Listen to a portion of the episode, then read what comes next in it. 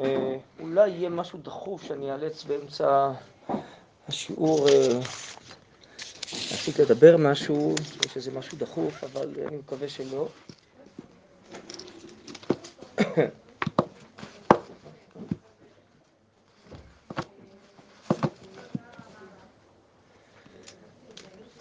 טוב, אז אה, נלמד משהו לט"ו בשבט. מה זה הדברים האלה פה? זה בשבילי, הכוסות האלה? טוב. אה,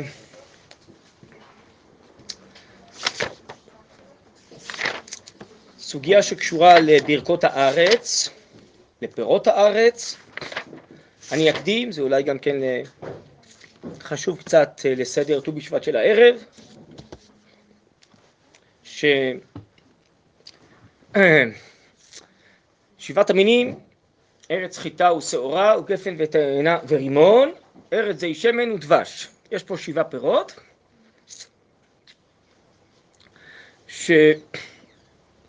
שבעצם מברכים עליהם בורא פרי העץ, השאלה היא על מה מברכים קודם.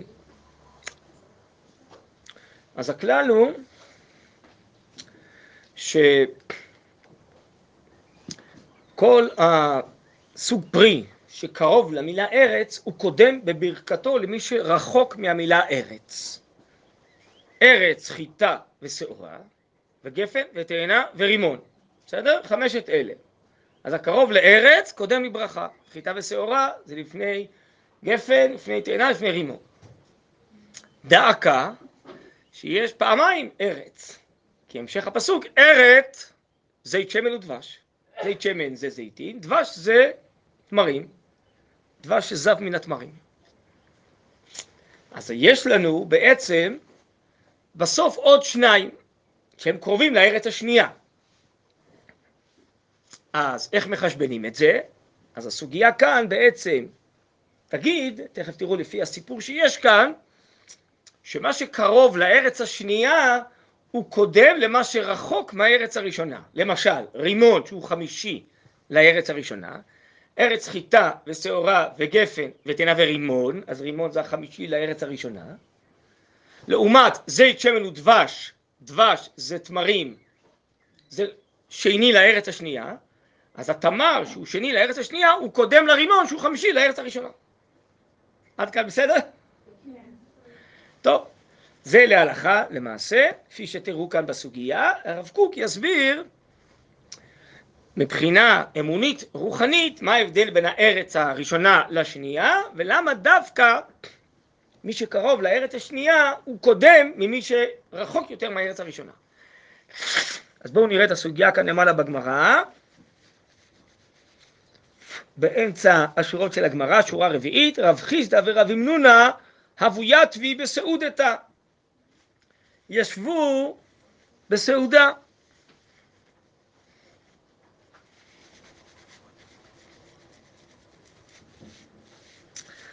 הייתו לקמיו תמרי ורימוני. תמרים ורימונים. שקל רב ימנונה בריך וברך, התמרי ברשע. על התמר בהתחלה אמר לרב חיסדא, לא סבר לימה. להדה אמר רב יוסף ויתם רבי יצחק, כל המוקדם בפסוק זה מוקדם לברכה, והרי בפסוק עצמו הרימון קודם לתמר, זה חמישי וזה שביעי, בסדר הכללי של הפירות.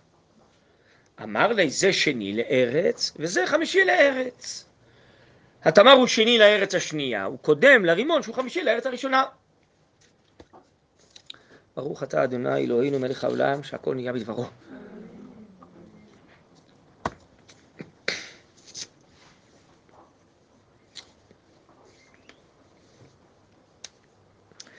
אמרו לי, אמר לי, מן יהיב לן נגרי דפרזלה ונשמיינך. אומר רש"י למטה, מי ייתן לנו רגליים של ברזל ונלך אחריך לכל מקום לשמוע את דברי החוכמה שאתה אומר. בסדר? ככה רש"י מפרש פה הוא כל כך התפעל מהתשובה, מהחוכמה שבה, אז הוא רוצה ללכת אחריו וללמוד ממנו כל הזמן. טוב, עכשיו בואו ננסה להבין, ויש מהדברים הללו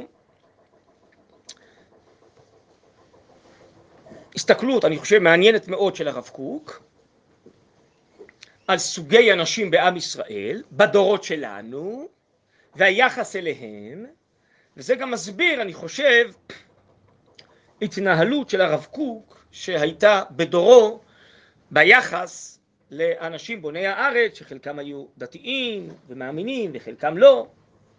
טוב, בואו נראה את הדברים בפנים, סעיף מ'. כשם שהברכות עצמן מאירות את הלבבות לדעות ישרות, שאין אבות למעשים ישרים ומידות טובות. זה למדנו את זה, אם אני לא טועה, אתמול, שהברכה מעוררת את האדם לחשוב על מה שהוא אוכל. כן, גם פרטיהם להלכותיהם, כמו שאנחנו דנים פה, איזו ברכה, איזה פרי קודם לחברו, בנויים על פי דרכים מפולשים למידות טובות ויקרות. ויקרי תורה באמונות ודעות. ובאשר חיבת ארץ הקודש היא יסודה של תורה. תקשיבו טוב למשפט הזה. אהבת ארץ ישראל היא היסוד של כל התורה, כי כל התורה בנויה על ארץ ישראל. כל המצוות מתקיימות בארץ. רבנו הרב ציודה היה מביא איזה חשבון של החפץ חיים, שכל מצווה בארץ ישראל היא פי, אני לא זוכר, או 22 או 26 ממצווה בחוץ לארץ. לא יודע בדיוק איך הוא הגיע לחשבון הזה, אבל אני זוכר את החשבון הזה. כל מצווה, לא מבית, לא נדבר על מצוות ציבוריות, כהקמת מלכות, ושמיטה, ויובל, ומצוות התלויות בארץ, שזה הכל בארץ ישראל, ובית מקדש, ושכינה, ונבואה, ובקיצור, כל הייעוד ההיסטורי שלנו, ממלכת כהנים וגוי קדוש, זה רק בארץ ישראל. אז בעצם כל התורה וכל השכינה עומדות על ארץ ישראל. והארץ הזאת מצד טבעה, היא מוכנה, ממתינה לעם ישראל, כשהם חוזרים היא פורחת, גם גשמית, גם רוחנית. זה ארץ השם, זה ארץ מיוחדת, אמנם באמת לא למדנו כל כך באריכות על ארץ ישראל בינתיים, אבל הנה זו הזדמנות, לפחות לראות מין משפט כזה, שחיבת ארץ ישראל היא יסוד כל התורה כולה. שהיא, אני ממשיך, מביאה את כלל עם השם וכלל העולם כולו להשלמתה. על ידי ארץ ישראל נוכל להתעלות, ואז נוכל גם להביא אמונה לגויים. על כן מחוברים הם ענייני הברכות בהקדמתם, בסמיכתם לארץ שבתורה. מה שיותר סמוך למילה ארץ הוא קודם לברכה, כי ארץ ארץ ישראל, היא דבר מאוד חשוב. להורות כי כל הקרוב קרוב יותר לארץ, ומי שיש לו יותר אהבה לארץ, יותר השתדלות בעניין יישובי ארץ הקודש, הוא מוקדם לברכה, והוא קרוב יותר אל השלימות. ככל שאדם אוהב יותר את ארץ ישראל, הוא יותר קרוב לשלמות הרוחנית שלו, של עם ישראל, הוא יותר קרוב לקדוש ברוך הוא.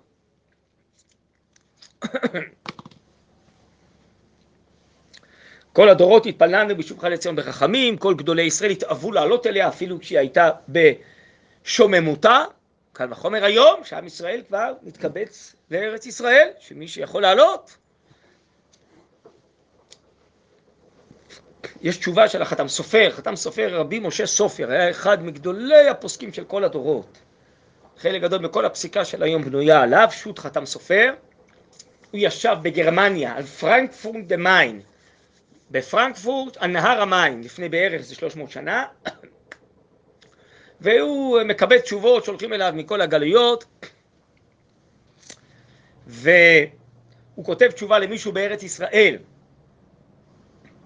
הוא אומר לו, אני יושב בארץ מאפליה, בארץ חשוכה, בחוץ לארץ. כשהדברים יגיעו אליך, הם יתעלו, יאירו באור גדול של ארץ ישראל, בהארת ארץ ישראל. כן? תראו תמיד חכם יושב כל חייו בחוץ לארץ, אבל הוא יודע איפה האור האלוהי, איפה השכינה אמורה להיות, אנחנו בגלות, אבל היא אמורה להיות בציון. צאצאיו וצאצאי רבי עקיבא איגר היו חתן אה, וחותן, צאצאיהם זה מקימי פתח תקווה.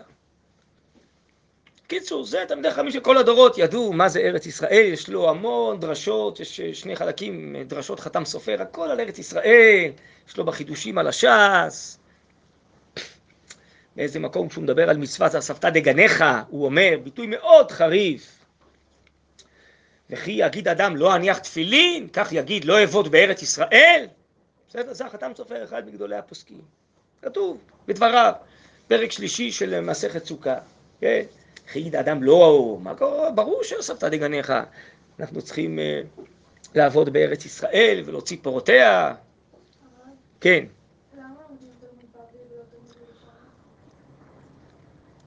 כי תלמוד ירושלמי הרבה יותר קצר וקשה להבנה. תלמוד בבלי, אנחנו, שעוד לא הזדככנו מספיק וקשה לנו לתפוס את האור הגדול של הירושלמי, שנכתב מאוד ברוח הקודש, אז אנחנו צריכים את האריכות דברים של הבבלי. אבל בעזרת השם. אחד מגדולי הפוסקים, מגדולי מפרשי הרמב"ם, המגיד משנה, אומר דרכו של הרב הזה, של הרמב"ם, לפסוק כמו הירושלמי.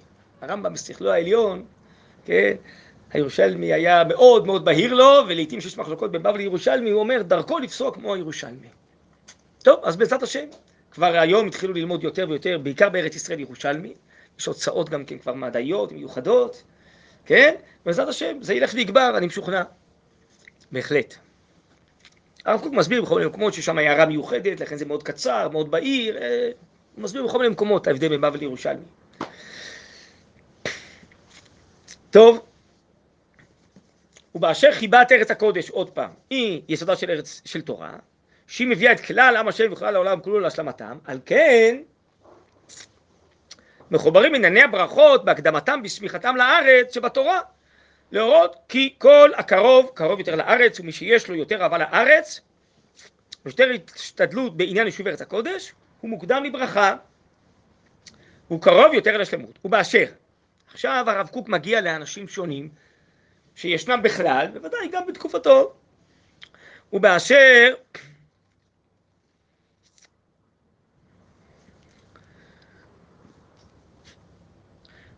חיבת הארץ מחולקת היא לפי מעלת האנשים והכרתם, כי יש שמחבב ארץ הקודש בשביל סגולותיה היקרות, הסגולות האלוקיות שלה. וצמא מאוד לרצות אבניה ולכונן עפרה כדי לקיים המצוות התלויות בארץ. ובשביל התכלית העליונה, העליונה זה האלוקית, הנמצאת בה לכלל ישראל ולכלל העולם במעלתם הרוחנית. אז יש אדם, ירא שמיים, צדיק, הוא בא לארץ אה, ישראל, עלה בשביל קדושתם של רוממותה, היו גדולי ישראל שעלו בשביל להתחבר לקדושת הארץ. אז זה אדם שמבחינה אישית שלו, צדיק, ירא שמיים, ומבין את מעלת הארץ הקדושה. ויש מי שמחבב ארץ הקודש וישתדל בישועה ובדירתה, בשביל שמכיר בה התכלית של המנוחה החומרית לכלל ישראל. שהוא גם כן דבר טוב ונשגב. ארץ ישראל היא מקלט בטוח, לא? שלא ירדפו אותנו, שיהיה לנו פה חקלאות, ויהיה לנו מה לאכול, ונהיה רגועים פה, נכון? אז הוא אוהב את עם ישראל ואת ארץ ישראל. יכול להיות שהוא בכלל, האיש הזה לא צדיק ולא ירא שמיים, אבל הוא רוצה להיטיב לעם ישראל, שיהיה להם קיבוץ גלויות, ויוכלו לחיות במקום בטוח, ויהיה להם אה, ביטחון, שלא ירדפו אותם פיזית, וגם רווחה כלכלית. אז הוא אוהב את הארץ בגלל השפע החומרי שיהיה לנו בה. אפילו לא בשבילו הפרטי, בשביל האומה. אומר על זה הרב קוק, הוא גם כן דבר טוב ונשגב, ובכל זאת לא בעד המעלה הראשונה למי שמכיר יסוד התכלית העליונה שבחיבת הארץ. ההסתכלות שלו היא נמוכה יותר, יותר גשמית, יותר חומרית, לעומת מי שמבין את התכלית האלוקית שיש בארץ. יש לו מדרגה יותר עליונה מבחינה אישיותית. על כן, רמוז בפסוק, קירוב הברכות לארץ בשתי מערכות. חמישה מינים נגד ההשתוקקות לארץ באופן העליון המעולה. מכוונים נגד חמישה חומשי תורה, שהם חמישה חומשי תורה, יסוד ההשלמה הישראלית, ממנה נמשכת השלמות, ההשלמה האנושית. וכל המוקדם בה וקרוב יותר לארץ, מוקדם לברכה. אז חמשת המינים שקרובים לארץ הראשונה זה חמישה אנשים בנמשל, שמחוברים לארץ בגלל קדושתה, כל מי שמחובר יותר, הוא יותר יתברך ויתעלה בארץ. ובמשל, כל פרי שקרוב לארץ, אז מברכים עליו קודם. וקרוב לברכה במובן של הנמשל של האנשים, מי שיותר אוהב ומחובר לארץ יזכה להתעלות על ידה יותר. אבל החלק השני, הארץ השנייה, זית שמן ודבש, נגד המכירים ההשלמה הטבעית של כלל ישראל בארץ בהשלמתם הרוחנית הטבעית, כראוי לכל עם גדול וחכם ברוח ובחומר. הארץ השנייה, שזה הדברים של שמן, שמן איתו משתמשים הרבה למאכלים וגם לתעשייה.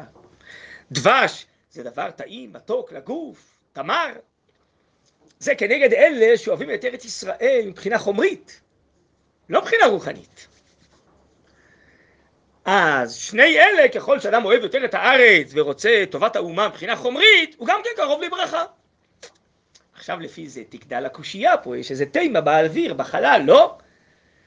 אז דווקא אותם חמישה ראשונים, שהם אוהבים את הארץ בגלל מעלותיה הרוחניות, אמורים להיות קודמים לאלה שרואים את הארץ רק בגלל מעלותיה החומריות, נכון? כי הרב קוק הסביר שההסתכלות היותר עליונה זה מי שמסתכל על קדושת הארץ, לא רק על גשמיותה. אז היינו צריכים להגיד שכל החמישה הראשונים שקרובים לארץ הראשונה הם מוקדמים לברכה מאלה שקרובים לארץ השנייה, נכון? כי הם uh, מחוברים לארץ רק בגלל תכלית חומרית. בסדר? אתם מבינים את הקושייה? ככה הרב קוק הסביר, כן. השניים, השניים האחרונים, הארץ השנייה זה התכלית החומרית, הארץ הראשונה, חמישה, כנראה חמישה חופשי תורה, זה הארץ הרוחנית. אז לכאורה, למה פסקנו פה להלכה, וזה מה שרב ימנונה עשה, הוא ברך על התמה, שהוא קרוב לארץ השנייה, לעומת הרימון, שהוא חמישי לארץ הראשונה. לכאורה זה לא מסתדר. ואז בואו תראו חידוש גדול של הרב קוק, שאני חושב שמסביר הרבה מההתנהלות שלו גם בימיו, ואני חושב שמשליך גם לימינו. ולמדנו מכאן, אני ממשיך לקרוא, כמה גדולה היא המעלה של מי שמשתוקק ליישב ארץ הקודש אפילו לשם התכלית החומרית של הכלל. למה? כי אצל הכלל יהפך תמיד כל עניין גשמי לרוחני. והתכלית העליונה בו תבוא על ידי חיבור עם השם בארץ השם. יש פה חידוש מאוד גדול. הרב קוק אומר, יש הבדל בין האנשים, מעלותיהם האישיות הפרטיות, לבין מעלתם מצד החיבור לכלל. אם אני מדבר עליהם כאישיות פרטית, ברור שמי שרואה את קדושת הארץ הוא יותר במעלה ממי שרק מסתכל על חומריות הארץ, זה ברור. אבל עכשיו אני שואל, מי תורם, מקדם יותר את תהליכי הגאולה, את ההתבססות של עם השם בארץ השם, את ההתקדמות לקראת עשייתנו ממלכת כהנים וגוי קדוש. האם מי שמסתכל על הארץ רק כתכלית רוחנית, או מי שגם משקיע ואוהב אותה בגלל תכלית גשמית. מחדש הרב קוק חידוש גדול. בענייני הכלל, אם אני מסתכל רק זה או רק זה, מי שהוא גם זה וגם זה, זה הכל זה ודאי יותר טוב, זה השלמות. כמו הרב קוק, שהוא מסתכל גם על זה וגם על זה. אבל עכשיו אני מאמת בין שני אנשים. אחד שמשקיע בארץ רק בעניינים רוחניים, ואחד שמשקיע רק בעניינים חומריים, בסדר? ומחדד, או זה או זה. אומר הרב קוק, מי שמשקיע בעניינים גשמיים, הוא יגרום לשני דברים. ומי שמשקיע בעניינים רוחניים יגרום רק לדבר אחד. למה? מי שמשקיע בעניינים רוחניים, הוא יגרום שארץ ישראל תתמלא רוחניות, תורה, זה מצוין. מי שמשקיע בדברים חומריים, אפילו בלי כוונתו, כל מה שהוא יבסס יותר את הגשמיות של הארץ, תעשייה, חקלאות, התיישבות, הוא יגרום שבהמשך יצא מזה רוחניות. כי ככה סדר הגאולה של ישראל. ככל שנבנה בסיס יותר גשמי, תופיע על זה רוחניות יותר גדולה, כי הכלי יהיה מוכן לקבל עוצמות רוחניות יותר גדולות. אז בעצם האדם הזה בלי כוונתו בכלל, הוא בכלל לא מבין בזה, הוא לא מתכוון לזה. כשהוא משקיע ברוחניות, בחומריות, סליחה, הוא יגרום לכך שזה יתהפך לרוחניות. הנבואה לא שורה אלא על חכם, גיבור ועשיר. באומה בכללה, כשארץ ישראל תהיה בנויה, מבוססת, עם חקלאות, עם תעשייה, עם כלכלה, הבניין הזה יגרום שהשכינה תחזור לציון ורוח הקודש והנבואה יחזרו. רק רגע, שנייה, שנייה. כלומר, הבדל ראשון זה שהאדם שמשקיע בכלליות, ברוחניות, הוא משקיע רק בדבר אחד. אדם שמשקיע בחומריות, הוא בעצם, בלי ידיעה, משקיע בשני דברים. א', הוא משקיע בחומריות, הוא מבסס את החומריות הכללית. ב', כיוון שהחומריות הכללית תהיה הבסיס שעל גביה תופיע הרוחניות הכללית, אז הוא בעצם משקיע גם בזה וגם בזה. אז הוא משקיע בשניים. אבל יש פה משהו יותר עמוק. מי שמשקיע ברוחניות, הוא יכול להשקיע לפי מדרגתנו כיום. נגיד היום אין לנו נבואה ורוח הקודש. הוא ישקיע שיהיה לימוד תורה בארץ ישראל. טוב, מצוין.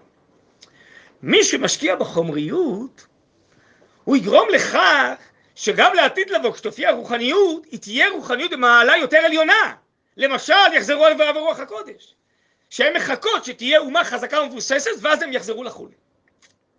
אז מי שמשקיע בחומריות, הוא לא רק משקיע לעתיד ברוחניות, אלא הוא גם משקיע ברוחניות יותר עליונה מהרוחניות של היום. אתם מבינות? זה איזה חשבון אה, רדיקלי, זה משהו שונה מהחשבונות הרגילים.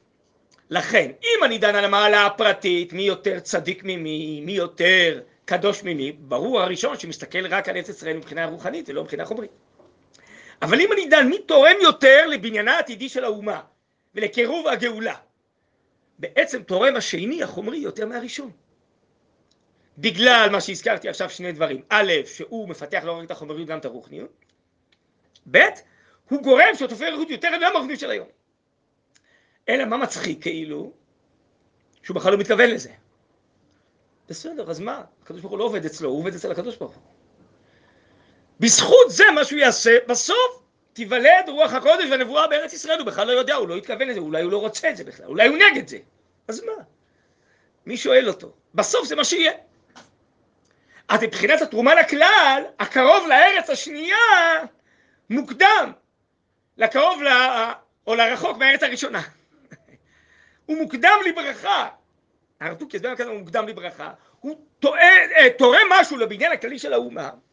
זה שני ארץ זית שמן ודבש, הקרובים לארץ השנייה בתפיסה החומרית, הם קרובים לברכה, הם יביאו ברכה לאומה יותר מי שבעצם רחוק מהארץ הראשונה, אבל שם זה הכל רוחני. למרות שהתפיסה שלהם חומרית, מבחינת התרומה לכלל, הם תורמים יותר. לכן הם דומים לברכה. רגע, שנייה, מי שרצה לשאול עליי, כן. אמ, איך זה מסביר כאילו את העניין של אה, כאילו החילונים שבנו את המדינה, אז הם יותר טובים מה... לא יודעת? או, אז עכשיו הטובים במה? בדיוק. עכשיו זה המורכבות. אם תדברי על אישיותם הפרטית, אז הוא יגיד לך ודאי שאלה שהם קדושים ומקיימים מצוות ומידות טובות ומחשבות טהורות, אז הם מדרגה יותר עליונה ממי שלא. כי התורה והמצוות הם מקדשים, מרוממים, מעלים את האדם. מבחינה אישיותית פרטית, ודאי ירא השם, הם למעלה ממי שלא. אבל אם נדבר על התרומה העתידית, לא הרביעית, העתידית של בניין האומה, כן? הם תורמים יותר. בלי ידיעה. טוב, זה חשבון מאוד מורכב החשבון הזה, נכון? זה לא כל מוח סביל דע. לא כל מוח סובל פה את החשבון הזה, נכון? זה חשבון מורכב. כן, רציתי לשאול. כאילו, הרב בעצם אומר שהארץ השנייה היא נחשבת יותר מהארץ הראשונה? עוד פעם, נחשבת יותר במה? יש פה שני נושאים. מצד התרומה לבניין העתידי של האומה, לא התרומה בהווה. בניין העתידי, מה שעתיד להתהפך מתוך מה שהוא עושה, הוא תורם יותר. זה לא של מה עדיף. אנחנו מתארים מציאות, יש אחד שהוא עוסק בזה, אחד שהוא עוסק בזה. עדיף מבחינת מה יקבע את הברכה, אז חז"ל קבעו לנו שהברכה נקבעת לפי התרומה העתידית, לכן מי שקרוב לארץ השנייה קודם למי שקרוב לארץ הראשונה. אבל זה לא קודם ל... כי החיטה והשעורה הם גם קרובים לארץ הראשונה. בסדר, אז הם גם וגם. אנחנו מדברים למשל על התמר לעומת הרימון, שהרימון הוא רחוק מהארץ הראשונה והתמר קרוב לארץ השנייה. השלמות, זה מה שהזכרתי קודם, נגיד מי שבא מההסתכלות של הרב קוק, שזה גם זה וגם זה, הוא גם ירא שמיים וצדיק, הוא גם אוהב את ארץ ישראל ורוצה ומשקיע בבניין הגשמי שלה, וגם בבניין הרוחני שלה, אז הוא משקיע בשני הדברים, בסדר? זה השלימות. אנחנו מאמתים פה שני סוגי אנשים שכל אחד עושה חצי. רק זה או רק זה. ואז עוד פעם, אבל אני מסביר את החשבון המורכב. מבחינה אישיותית, מי יותר קרוב להשם, יותר קדוש וצדיק, זה זה שהוא ירא שמיים. מבחינת הבניין לכלל, אבל אפילו לא הבניין של ההווה, הבניין של העתיד. מי יגרום בסוף שהשכינה והנבואה יחזור לציון? זה מי שאוהב את הארץ מבחינת חומריותה. בהווה יכול להיות שאותו צדיק הוא מפיץ תורה בארץ ישראל, אז גם בהווה הוא יותר טוב מהשני, החומרי. הוא גם צדיק באופן אישיותי, הוא גם היום מרביץ תורה בארץ ישראל. אנחנו מדברים פה על חשבון עמוק מאוד, חשבון עתידי, שבסוף כל הבניין החומרי יהיה בסיס, הוא יהפך לרוחני, אומר הרב קוק. מבחינה זאת, השני בעצם מאוד קרוב לברכה, בלי שהוא יתכוון, הוא יגרום שהנבואה תחזור לציון. למה מברכים? לא הבנתי. לא, גפן זה משהו, זה... הגפן את מתכוונת לא ענבים, אלא יין. זה קובע בכלל לעצמו, יש לזה עוד סוגיות אחרות, משמח אלוקים ואנשים, זה, יש לזה מדרגה בפני עצמה. מושג של יין וגפן, בסדר, זו סוגיה בפני עצמה. כן.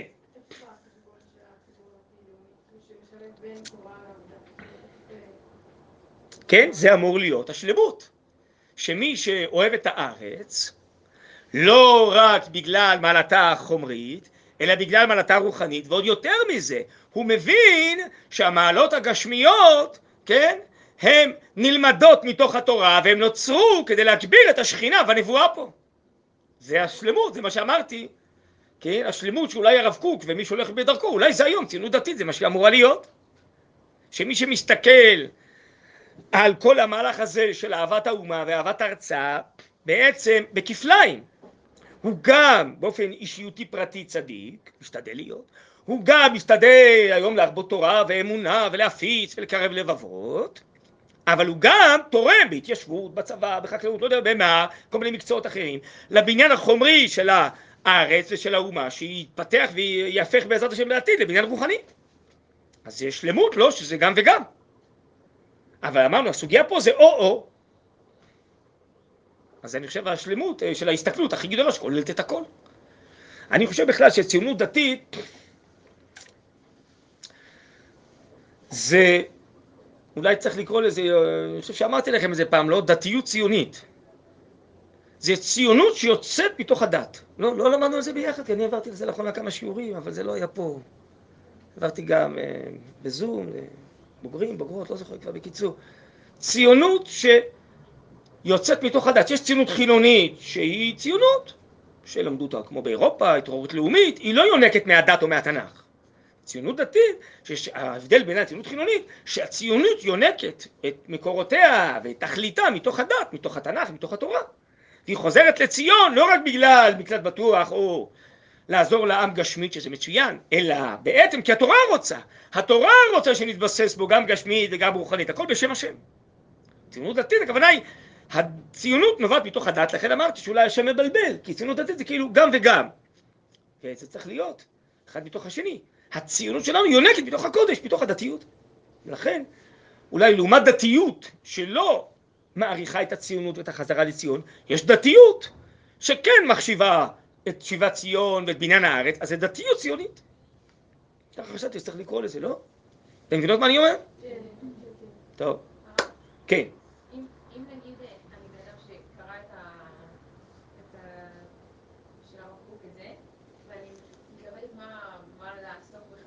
כן. אני חושב שזה שאלה פרטית. כי כשהרב קוק מסתכל על ענייני תורה ועבודה, אז הוא אומר, האומה צריכה תורה ועבודה, בסדר? האומה צריכה בניין גשמי ורוחני. עכשיו, כל אחד צריך למצוא בסוף את נטייתו האישית. גם אם הוא ירא שמיים וצדיק, במהלך האידיאלי, כולם ירא שמיים וצדיקים, אבל אחד הוא מחנך, מחנכת, לומד תורה, ואחד הוא חקלאי בשדה, אחד בונה יישובים, אחד הוא מהנדס, אחד הוא רופא, כל אחד תוך היראת שמיים שלו תורם משהו אחר לבניין הכללי. אז זה כבר נטייה אישית. יש uh, בת אחת שמתאימה להיות מורה ולחנך, אחת מתאימה להיות עובדת סוציאלית, אחת מתאימה להיות אחות, וכן הלאה, זה הדרך. אז אי אפשר להגיד לאדם שיש לו נטייה, אבל כולנו צריכים א', להיות צדיקים יראי השם בעזרת השם, ולקיים את המצוות של השם, ולנסות להתקרב אליו יותר ויותר כאישיות פרטית, ולבנות משפחה כזאת בעזרת השם. ודבר שני, גם לבוא אולי מתוך ההסתכלות הזאת של הציונות הדתית, הכוונה היא שאני רואה שכל התחיית האומה ותחיית הארץ וכולי, כל זה, זה בשביל לקדש שם שמיים, בשביל חזרת שכינה לציון, בשביל מתקדום הקדוש, התפיסה שלי היא כזאת, מתוך אמונה אני עושה את זה. ואני משתלבת כאחות, כעובדת סוציאלית או כמשהו אחר. בסדר?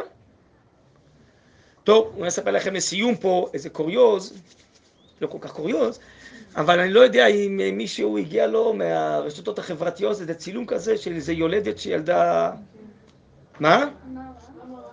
יולדת שילדה במחלקת קורונה, הייתה חולת קורונה, ילדה אה, שני ילדים ומישהו עם אה, חליפות כאלה לבנות מחזיק שתי תינוקות, שתי בנות, מה? אה, שחר, טוב, אז אה, שחר יש לנו פה איזה סוכן שתול. אז זהו, אז זה אחיינית שלי בעצם בירושלים, כן, אז כל המשפחה הייתה חולת קורונה, והיא הייתה באמת ככה דאגו לה, כי בסוף לידה וזה, ועם תאומי. אז זהו, ברוך השם, אז יש נפלאות השם גם בתוך כל המהלכים האלה. ומי זאת שמחזיקה, את יודעת? לא זאת שמחזיקה בתמונה, אבל עכשיו קיבלנו תמונה. מי נמצאת שם במה וזה, ועכשיו באה לבקר אותה? חדווה וייס. חדווה וייס. לא, לא, נפגשתם איתה? חייבה, מה? נכון. חדווה וייס היא המחזור הראשון של מדרשת אה, יעלה. היא הנרשמת הראשונה למדרשת יעלה. זכותה הקמנו את המדרשה. אז היא עכשיו מתמחה, היא אה, רופאה, בעצם מתמחה ברפואה, והיא שמה בשערי צדק, אז היא נעה שם בין המחלקות, והיא שלחה לנו עכשיו תמונה שהיא עם החליפות האלה והולכת לבקר אותה. טוב, אז סגרים מעגלים. כן. זה נשמע לפי מה שהרב אומר, שכאילו מה שיותר חשוב עכשיו בעבודה הגשמית זה אולי דברים שהם יותר בניין הארץ, שזה נשמע לא יודעת, נגיד היום, אז אולי פוליטיקה והייטק ודברים שהם אולי יותר... כאילו, את צודקת, לכן הדגשתי, א', זה מאוד חשוב, אם אפשר להשפיע בזה, אבל אני הדגשתי מצד בניין האומה העתידי, איזה ברכה תצא מזה. כלומר, יש אדם, אם הוא באמת יכול להשפיע גם רוחנית פה היום בארץ ישראל בהווה, זה מאוד חשוב. אמרנו, האדם הראשון, הצדיק וירא שמיים, יכול להשפיע גם רוחנית להפיץ תורה. מי שעוסק בבניין החומרי, בסוף, לעתיד לבוא אמרנו, לא בהווה, יתהפך מזה משהו שהוא בעצם יהיה גם וגם. אז לכן זה לא בהכרח חשבון של ההווה, מה צריך לעשות בהווה. אנחנו אומרים בסוף מי שאפילו בלי תודעה יעסוק בזה, יצא מזה משהו מאוד גדול שהוא עצמו לא יודע. אבל זה לא אומר שזה חשבון עכשיו שבהווה מי שמסוגל נגיד לעשות גם את זה וגם את זה, אז ילך לעסוק בזה. כי יכול להיות שבזה, בבניין החומרי כבר ממילא הרבה אנשים עוסקים, וגם בלי תודעה זה בסוף יתהפך, וברוחני אין מספיק אנשים שעוסקים. מבינה? כן, אז אני חושב, אם את שואלת אותי, מכיוון שאנשים כאלה שאין להם את כל ההבנה הזאת הרוחנית והעמוקה והמורכבת, ממילא עוסקים בבניין החומרי כי הם אוהבים את זה, וכל מה שעתיד לצאת מזה ממילא יצא, ואילו בהשפעה הרוחנית לא מספיק עוסקים בזה היום, אז מי שמסוגל גם וגם יעסוק בעניין הרוחני. אבל בסוף, בסוף, בסוף אני גם חושב שכל אחד יש לו תחום אחד יותר שהוא חזק. קשה לי להאמין שיש גם וגם לגמרי באותה רמה. אז הכי טוב בסוף אדם יכול הכי להצליח והכי להשפיע כשהוא עוסק בנטייה הכי מרכזית שלו. לכן, אם באמת יש מישהו שהנטייה המרכזית שלו זה תורה, חינוך, רוחניות, שיעסוק בזה. הנטייה המרכזית שלו זה חומרית, למרות שהוא אדם ירא שמיים וצדיק וזה, שיעסוק בזה, כי זה בסוף מה שהכי מתאים לו. מה שהכי מתאים לו, מה שהכי נטייתו, גם הכי יצליח והכי ישפיע. בסדר? אז שני דברים אני עונה. א', שבזה ממילא כל כך הרבה אנשים עוסקים, אז, ובזה לא הרבה אנשים עוסקים, אז חשוב לעסוק בזה. דבר שני, שבסוף אני חושב שלכל אחד יש נטייה אחת מרכזית. אבל אני חושב החשוב בסוגיה הזאת זה בעצם מסביר את העיניים של הרב קוק מצד אחד לחזק את הרבנים והצדיקים ואנשי הרוחניות וכולי, מצד שני גם לחזק את אנשי המעשה שעוסקים בעניינים חומריים כי הוא רואה שמזה לעתיד יצאו דברים חשובים. אז הוא יכול לעשות גם את זה וגם את זה. טוב, ט"ו בשבט שמח